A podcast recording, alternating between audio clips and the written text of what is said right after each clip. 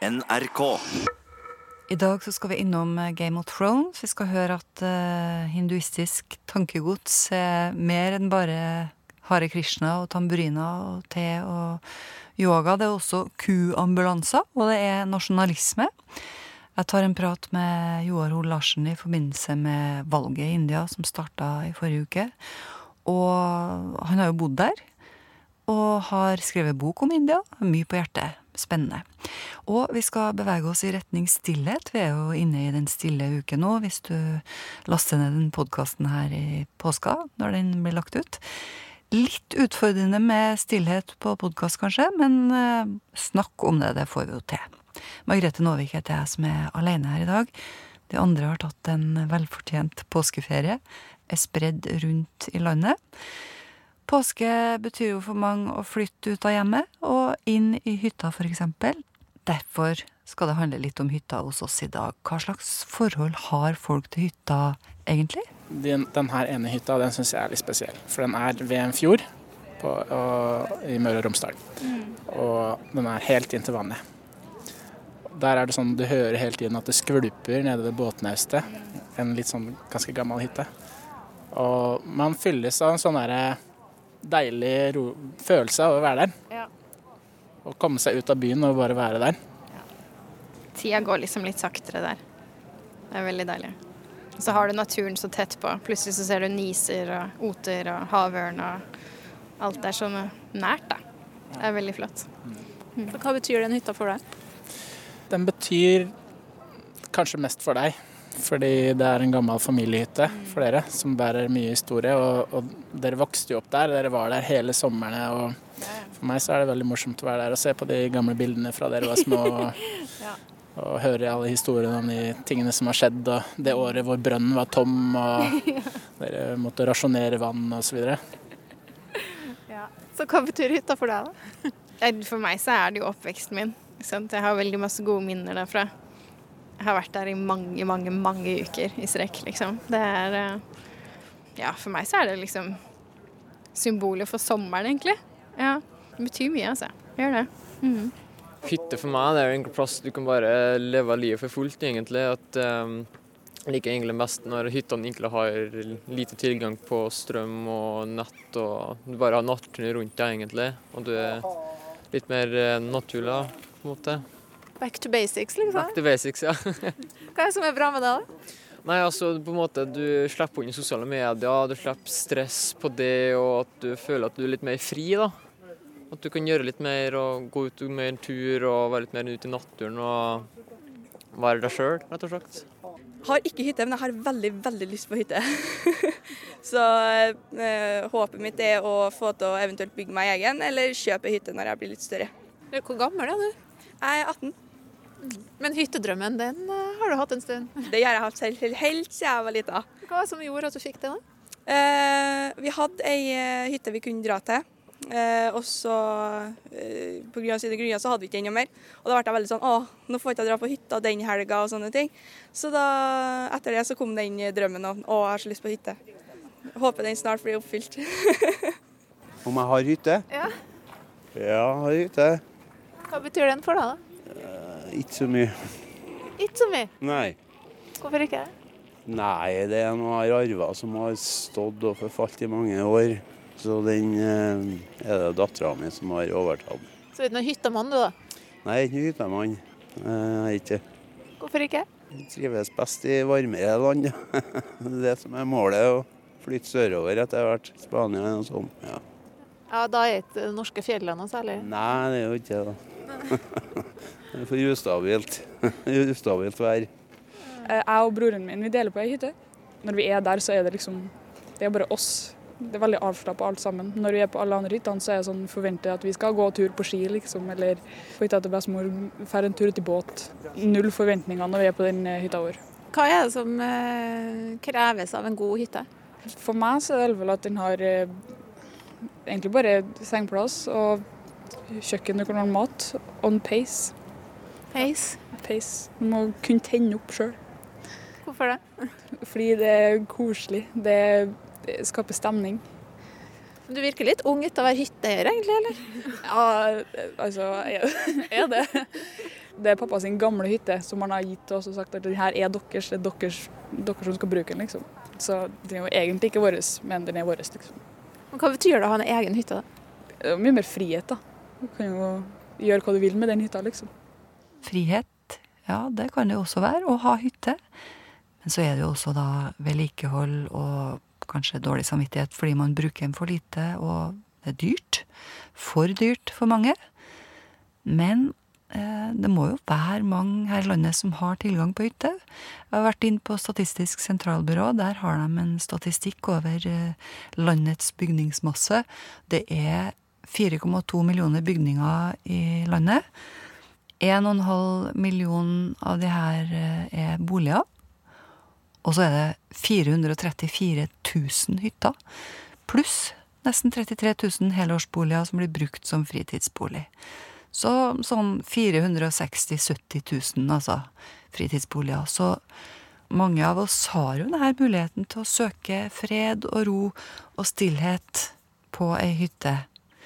Eventuelt mas om lange skiturer og hvem skal ta oppvasken, og hvem skal betale for oppussinga. Men vi skal ta for oss det her med stillhet her hos oss.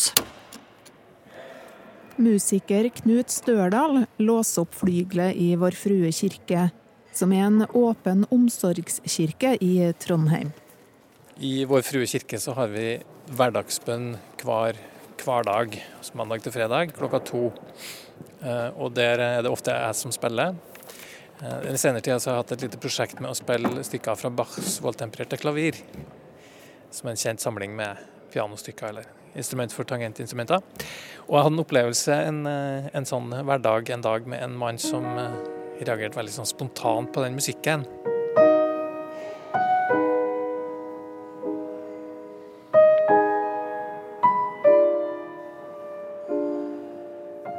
Veldig, sånn, han var veldig trist og veldig ute av seg. Eh, Og han satt og gråt under den eh, hverdagsbønna. Og når jeg spilte Bach-stykket, så ble han veldig sånn Å, kan ikke spille én til? Når jeg var ferdig, da. Når eh, den gudstjenesten var ferdig. Spill én til, vær så snill. Så, mm, så fant jeg et annet stykke som kanskje var litt i samme stemning og sånn, og så spilte jeg det, og så Å, har du enda mer? Og sånn, sånn holdt vi på en 20 minutters tid med musikk. Og han, eh, han var veldig takknemlig, og, og at jeg ga trøst, da. Um, og For meg så var det en veldig sånn fin opplevelse av at musikk faktisk spiller en rolle altså, i folks, eh, folks liv. Jeg har følt at det, det her betyr noen ting. Og jeg har eh, ofte hatt lignende opplevelser av folk som, som kommer hit til Vår Frue kirke og kanskje har med seg en litt sånn tung bagasje, altså har vanskelige opplevelser med seg, og de kommer og tenner lys, og da er musikken også viktig. Men hva tror du det var med akkurat de stykkene du spilte den dagen? Det var litt sånn meditativ musikk. Så det, det var nok det som, eh, som gjorde at jeg traff eh, han der og da. At det ga et sånn uh, Musikken ga mening i den situasjonen han sto i. Så det, det fikk meg til å tenke at det her med stillhet og musikk, meditativ musikk, der har vi noen ting å gi folk, altså. Så, så ut av det så sprang det en tanke om at vi må, vi må gjøre mer av det. Og i dag starter derfor Stille uke i kirka med konserter hver dag fram til fredag. Nå blar Knut i noteheftet for å finne mer musikk som kan skape stillhet i folk. Nei, vi kjenner jo alle sammen på at eh, vi blir liksom bombardert med inntrykk hele tida. Enten vi går ut i gatebildet, nær sagt, eller vi sitter ved en skjerm, som vi ofte gjør. Altså Det er hele tida noen som skal melde noen ting til oss. Vi må ta stilling til noen ting.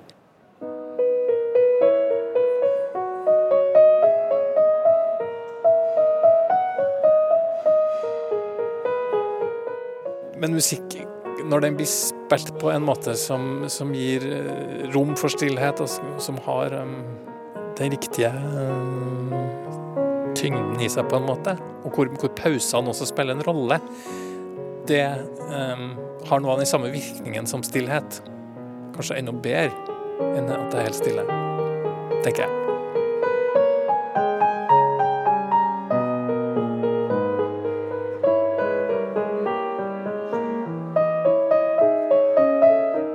For noen uker siden googla Knut Størdal stillhet, og fant et utdrag av Erling Kagges bok 'Stillhet i støyens tid', som han begynte å lese. Under den sida dukka det plutselig opp noen sånne reklamebudskap. Liksom på en sånn stripe nederst på skjermen.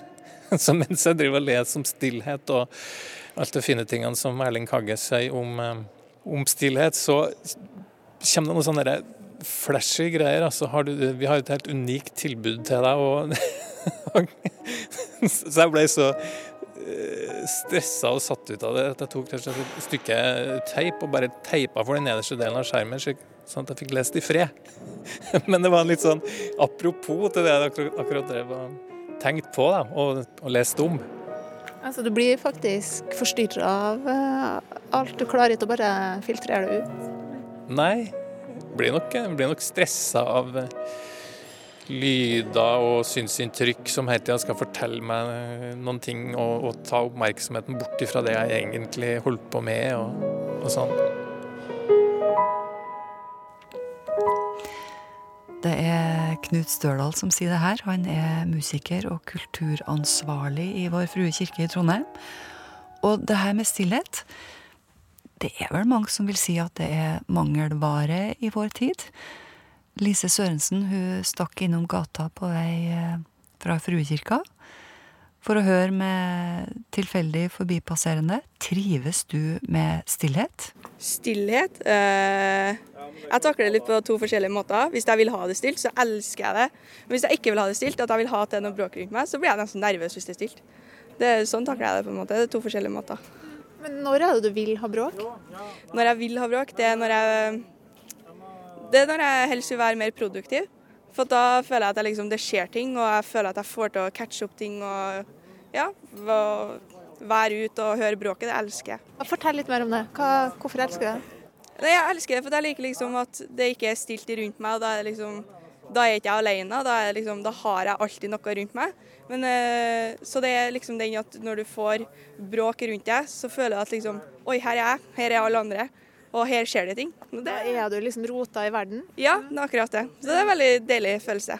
Jeg takler ikke alltid stillhet så bra. Jeg, jeg trenger litt sånn derre Jeg må ha litt action. Mm. Så hvis det blir for rolig, f.eks. når jeg skal sove en gang, så takler jeg ikke å høre mine egne tanker. Så da sovner jeg til en podkast eller et eller annet som eh, som drar meg litt vekk. Ja. Hvorfor tror du det er sånn, da? Kanskje man uh, er blitt så flink til å bekymre seg. At man går til bekymring når man i fravær av andre impulser. jeg vet ikke. Ja, jeg har et veldig hektisk liv, merker jeg.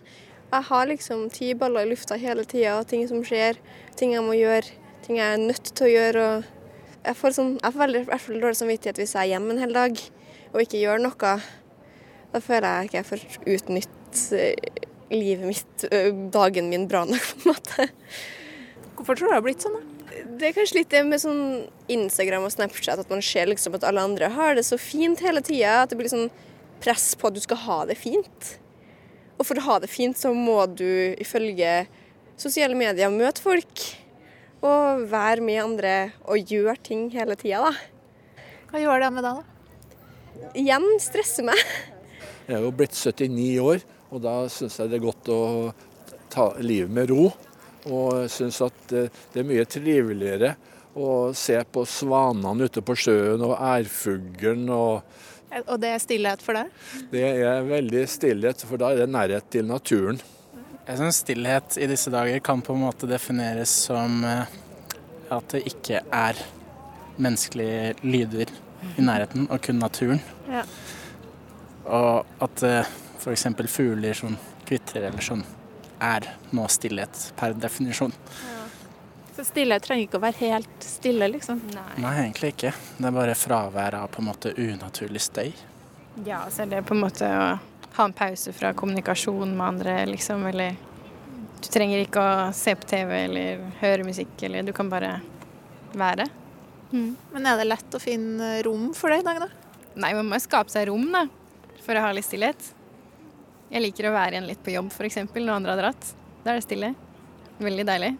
Når, eh, når uh, ventilasjonssystemet blir skrudd ned til halv, og du får liksom helt stille, ikke noe summing. Det er min lille pause, på en måte. Jeg er veldig påpasselig med det med liksom fysisk separere jobb fra hjemmet så mye som jeg kan. Fordi jeg vil ha frisoner. Det har vært veldig viktig for meg i lang tid.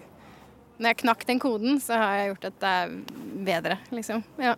Slipper å bli så stressa og En stillhet ønsker jeg når jeg har lyst til å slappe av, når jeg vil være alene.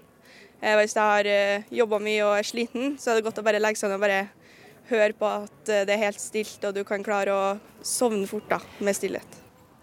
Ja, det her var folk som Lise gikk seg på på Nordre gate i Trondheim sist uke. En annen ting som har skjedd i løpet av uka som gikk, det er jo at åttende sesong av eh, Game of Thrones har blitt eh, lansert. Nå på søndag så var det fryktelig mange, jeg kjenner flere, som gleda seg voldsomt til dagen skulle være ferdig. Første episode skulle bli sluppet natt til mandag. Vi snakka litt om det her i redaksjonen. Hvorfor slår den serien her så voldsomt? Er det noe aktuelt her som eh, treffer folk? Ja, Hva som skjer og hvordan det ender, det er jo nærmest vokta som en statshemmelighet, for å bruke Kristoffer Hivjus ord. Kristoffer Hivjus, som du sikkert vet, er skuespiller i denne serien. Men det vi vet, er at Game of Thrones handler om et voldelig føydalsamfunn. Og det er en del overnaturlige innslag her. Likevel, mener Monica Oftedal Wold, er det mange paralleller til vår rasjonelle tidsalder. Denne her serien har jeg en egen interesse av å se på, fordi den forteller meg mer om hvordan mennesker fungerer, og ting jeg kanskje kommer til å møte i mitt eget liv. Som for eksempel? Ja, altså den, den tar opp eh, maktkamp, den tar opp eh, store, langvarige trusler, den tar opp eh, veldig mange religioner, som alle virker som har noe ved seg. Den tar opp eh, i veldig detalj hvordan det er å leve i krig. Monica er student og sitter i kafeen på Universitetet i Trondheim sammen med søstera Laila og Eirik Kristoffersen. Alle er spent på hvordan det skal gå når en fjern, ulmende trussel, en zombie her, de såkalte White Walkers, har vokst seg stor og mektig. Karakterene og hva som driver dem, selv om det er en verden fjern fra vår, er viktig også for Laila og Eirik. Og det, er et veldig spennende aspekt egentlig med hele serien òg, er at ved å skape et fantasy-univers, så fjerner du veldig mye av konteksten. Og da kan du fokusere på det rent menneskelige. da. De menneskelige drivkreftene. Jeg vil si at jeg har tenkt mye mer da, på forskjellige motiver til folk. Og det er litt det da, at det er ingen mennesker som velger å være onde. Det er ingen mennesker som velger å, å ødelegge for andre av ren trass. Alle har en grunn til det de gjør, og jeg syns de får det veldig godt fram.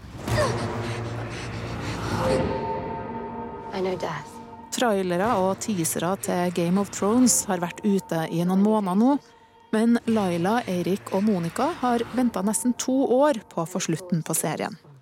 Karakterene står i fare for å bli utsletta av White Walkers, zombiehæren, som tidligere har vært utenfor en stor mur. Denne trusselen kan sammenlignes med klimaforandringene, mener Monica. I serien så er eh, White Walkerne det er en eh, litt sånn ulmende trussel som eh, vi får vite helt fra starten at dette fins. Og det er veldig få som tror at det er et problem.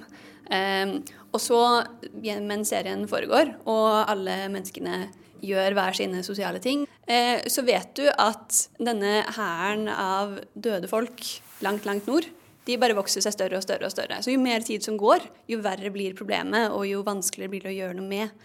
Og eh, de som passer på muren eh, for å holde dette her ute, de eh, først og fremst så blir de veldig underfinansiert.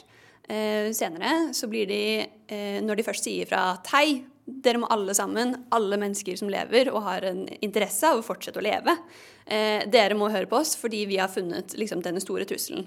Eh, og da er det ingen som tar dem seriøst. Selv når de kommer med bevis, så er det ingen som tar dem seriøst. Eh, og det minner for meg veldig som klimaproblemene er i vårt liv. Til tross for at Game of Thrones foregår i et fantasy-univers med drager og zombier, syns de tre studentene i starten av 20-årene at serien sier noe viktig også om vår tid. Eh, alle de som styrer, som i vårt tilfelle vil være politikere, eh, tenker veldig veldig kortsiktig. De er mer opptatt av å få gjennom sin egen agenda på en sånn måte som gjør at de blir styrket, eh, heller enn å finne løsningene som er best for alle. Noe som jeg kjenner meg veldig igjen i i hvordan eh, mitt liv er. Dermed blir det også ekstra spennende å se hvordan serien slutter. Hvordan går det når den felles ytre trusselen, zombiehæren, blir reell? Laila tror ikke det ender bra. Jeg tror jo egentlig at eh, disse zombiene kommer til å drepe omtrent alt og alle. Eh, fordi det er det som skjer når ikke alle klarer å stå samlet. Eh, og når da én person velger å ikke delta fordi hun fortsatt bryr seg mest om sin egen eh, maktkamp, så kommer alt til å gå veldig, veldig dårlig. Så du har ikke tro på en uh, happy ending, egentlig? Nei, ikke egentlig. Altså, det hadde jo vært, hadde jo vært veldig morsomt, eh, men det er også noe av det som er sjarmen til serien. da, At den er ærlig. Ting går dårlig med karakterer hvis de gjør dumme valg. Noen karakterer bare dør fordi de hadde uflaks på det tidspunktet. Eh, og det kan sammenlignes veldig med virkeligheten. da, at det er ikke sånn at alt plutselig bare har en lykkelig slutt. Eh, men jeg tror det kommer til å Noe kommer til å skje. Eh, som om Gud skulle spilt inn og eh, tippe oddsen i de godes favør, da. Eh, på det aller mørkeste. Tror jeg. Magi og noe som er større enn mennesker, er til stede i hele serien. Eh, og eh, det er jo drager og zombier der, så jeg kan jo se for meg at et lite, et lite hjelp fra en god kraft kan sørge for at ikke alt går rett vest. da. Ja, hvis du syns det her var litt, litt, lite om Game of Thrones, og ikke vet uh, helt hvor du skal gjøre deg til andre og tredje og fjerde episode i åttende sesong kommer, så kan vi jo anbefale Filmpolitiet på P3. De har en egen podkast om denne serien. Heter rett og slett Game of Thrones-podkasten. Vi skal snakke litt om India. For nå, de nærmeste ukene, så går sånn rundt én milliard velgere til urnene i Asia. Altså hvis de bruker stemmeretten sin, da. I Indonesia, verdens største muslimske land, så braker det løs nå på onsdag. De to heiteste kandidatene i valget kjører på med religion i politikken. Og i India så gikk de i gang sist uke med verdens dyreste og lengst varende valgsprosess. Tror eh, resultatene kommer den 23. mai, hvis jeg ikke husker feil. Det her er jo verdens største demokrati. Det er 900 millioner mennesker som har stemmerett. Jeg tok en prat med Joar Hoel Larsen om det her. Han hadde eh, veldig mye interessant å si om eh, kuambulanser og andre utslag av religiøs tankegang. Jeg syns det her var såpass interessant at jeg tror jeg legger ut eh, hele intervjuet med Joar Hoel Larsen som egen podkast. Så hvis du vil høre en 20 minutters versjon, så kan du bare stoppe her nå og laste ned den. Eller du kan høre den redigerte versjonen som kommer her.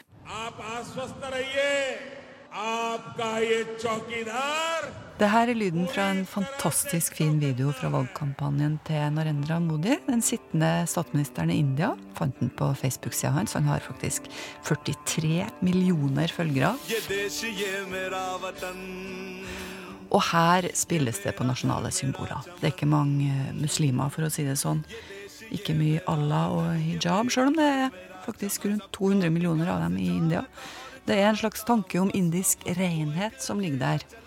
Som eh, skal være et stort vedlegg til politikken til Modi. da. Og Joar Hoel Larsen, hei. Hei, hei. Du har, du har jo bodd der i India. Har faktisk det, ja. Ja, Og rapportert derifra ja, da. her i kringkastinga, og skrevet bok om India. Stemmer. Hvordan eh, så du den der tanken om eh, indisk renhet slå ut?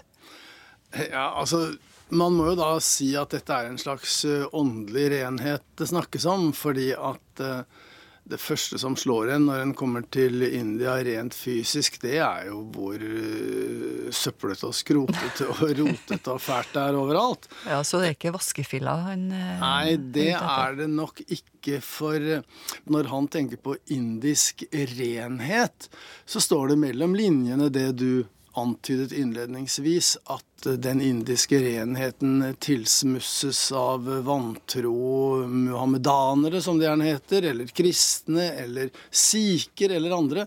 For Modi er leder for et hindu nasjonalistisk parti. Et meget konservativt parti.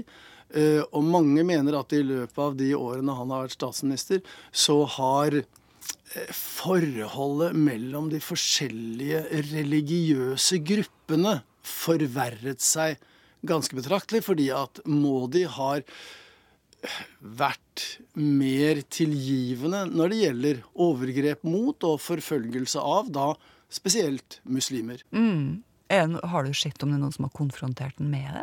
Ja da, altså det er jo fullt åpent. Og, mm. Men fordelen for indiske statsministre er at de, de er ikke politisk kvarter hver dag. Og de, de deltar ikke i, i, underholdningsprogrammer, og de stiller ikke opp på ting som Lindmo og Skavlan og sånt, slik at de lever ganske tilbaketrukket. Men... Um jeg har et inntrykk av at eh, vi i Vesten har et sånn bilde av eh, India og Eller asiatisk religion generelt som veldig sånn eh, fredelig, og det er yoga, og det er flagrende kjoler og te, og liksom Er vi litt naive, tror du? Ja, det er hellige menn i oransje drakter som sitter stille i årevis for å ja. Slik at det er Helt ufarlig. Ja, helt ufarlig. Mm. Eh, ja, jeg vil nok si at vi enten så er vi naive, eller så er vi litt kunnskapsløse, eller så er vi begge deler. Altså, Hinduismen har jo da fremskaffet dette kastesamfunnet som, som India har. Mm. Uh, India er en verdslig stat, og det er forbudt i grunnloven, men det fungerer jo i samfunnet. Uh, og det er jo en av de verste, hva skal vi si, uh, hierarkiske inndelingene av menneskeheten som finnes hvor man altså da grupperer hverandre i forhold til, til, yrker og i forhold til stand og i forhold til eh, fødsel, altså familier og et eller og den slags. Og her er det ikke mye snakk om klassereise heller, er det det? Nei. Du er vanskelig å komme ut av en sånn eh, ja, det, kategori? Ja, det eneste er at selv om du er helt på bånn, hvis du er flink og kreativ, så kan du jo bli verdens rikeste mann, men du er fremdeles Du tilhører fremdeles en lavkaste. Mm. Sånn at uh, du kan kjøre rundt i Jaguarer og Ferrarier og bo i de flotteste hus og spise på de fineste restauranter, men, men du tilhører ikke de riktige, i anførsel, uh, kastene. Samtidig så er det et enkelt eksempel, fordi at de fattigste tilhører som regel de laveste kastene, og de rikeste tilhører de høyere kastene. slik at eh, der er det en, eh, en forferdelig si, gradering av mennesker på, på, et vis som, eh, som nesten er pinlig. Mm. Og det er jo interessant fordi at det er jo ikke plass til andre, slik at eh, alle utlendinger eh, er jo da kasteløse og egentlig helt nederst på enhver rangstige.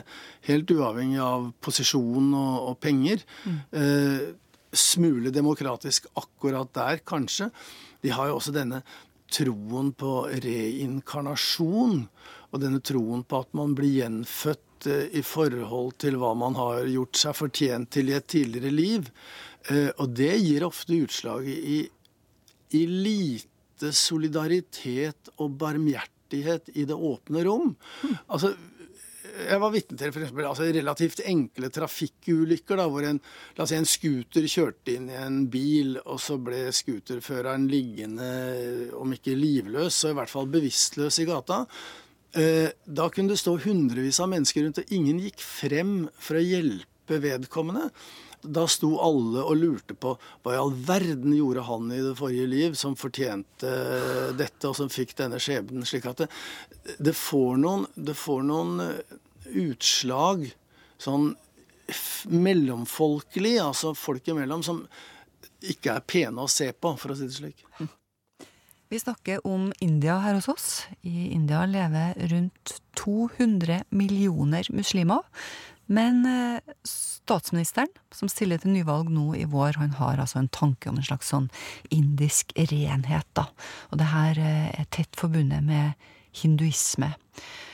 Det har jo vært store konflikter gjennom tidene mellom de her to gruppene. Pakistan ble danna som en følge av det her. Hva tenker du om sameksistens mellom eh, hinduer og andre religiøse grupper? Er det noe håp? Ja, det er jo det. Men eh, da må man kanskje sørge for at andre partier enn en BJP, som det internasjonalistiske partiet heter, får makt. Men det pussige er jo at de, de, levde jo side om side relativt fredelig under kolonitiden og før det. Slik at mm. en del av disse sammenstøtene er jo av moderne karakter. Men det er jo også da på grunn av konflikter om ressurser og om plass, ikke minst, i India. Og en helt annen ting er at for å snakke påske Dette gjelder jo også forfølgelse av kristne. Det bor 30 millioner kristne i, i, India. En helt forsvinnende liten andel av nærmere 1,3-1,4 milliarder mennesker. Men det er tross alt flere enn det er i Skandinavia, for å si det slik. og de har også opplevd fra selvfølgelig ekstreme grupper. Nå må vi ikke tro at uh, jevne indiske hinduer går rundt og, og slår ned verken muslimer eller kristne sånn til daglig, men det er altså enkelte, kall det gjerne kampgrupper eller hatgrupper eller militante grupperinger som, som da ser på, på kristne og på muslimer som et fremmedelement i, i den uh, hindunasjonalistiske staten som de ønsker å bygge. Ja, vi hørte jo det er kanskje et par år siden at det var en eh, muslim som slakta ei ku, og det fikk jo fatale følger.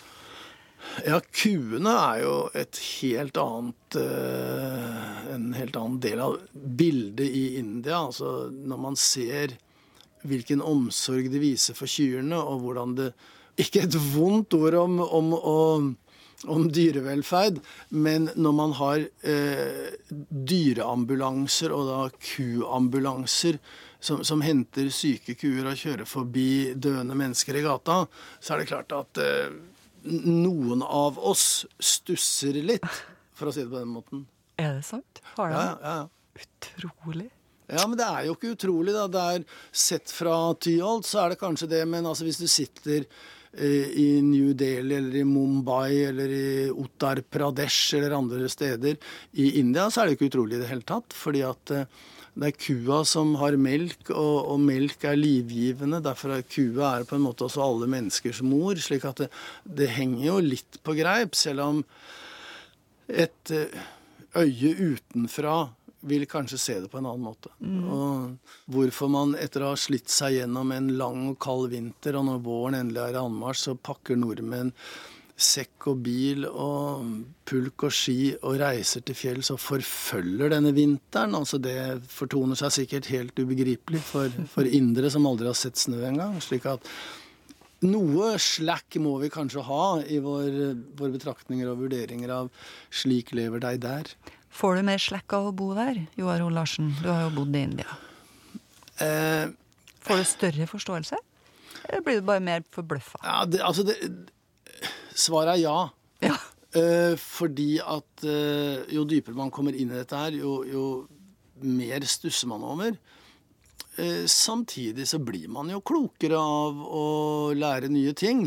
Så, så det er en slags parallell utvikling der, vil jeg si. At eh, det er enda mer man eh, ikke forstår, samtidig som det er en del ting man da også kanskje får mer respekt for. Og eh, jeg sier ofte at det er jo ikke 100 sikkert at eh, alle kloke tanker i verden er tenkt av fire millioner nordmenn.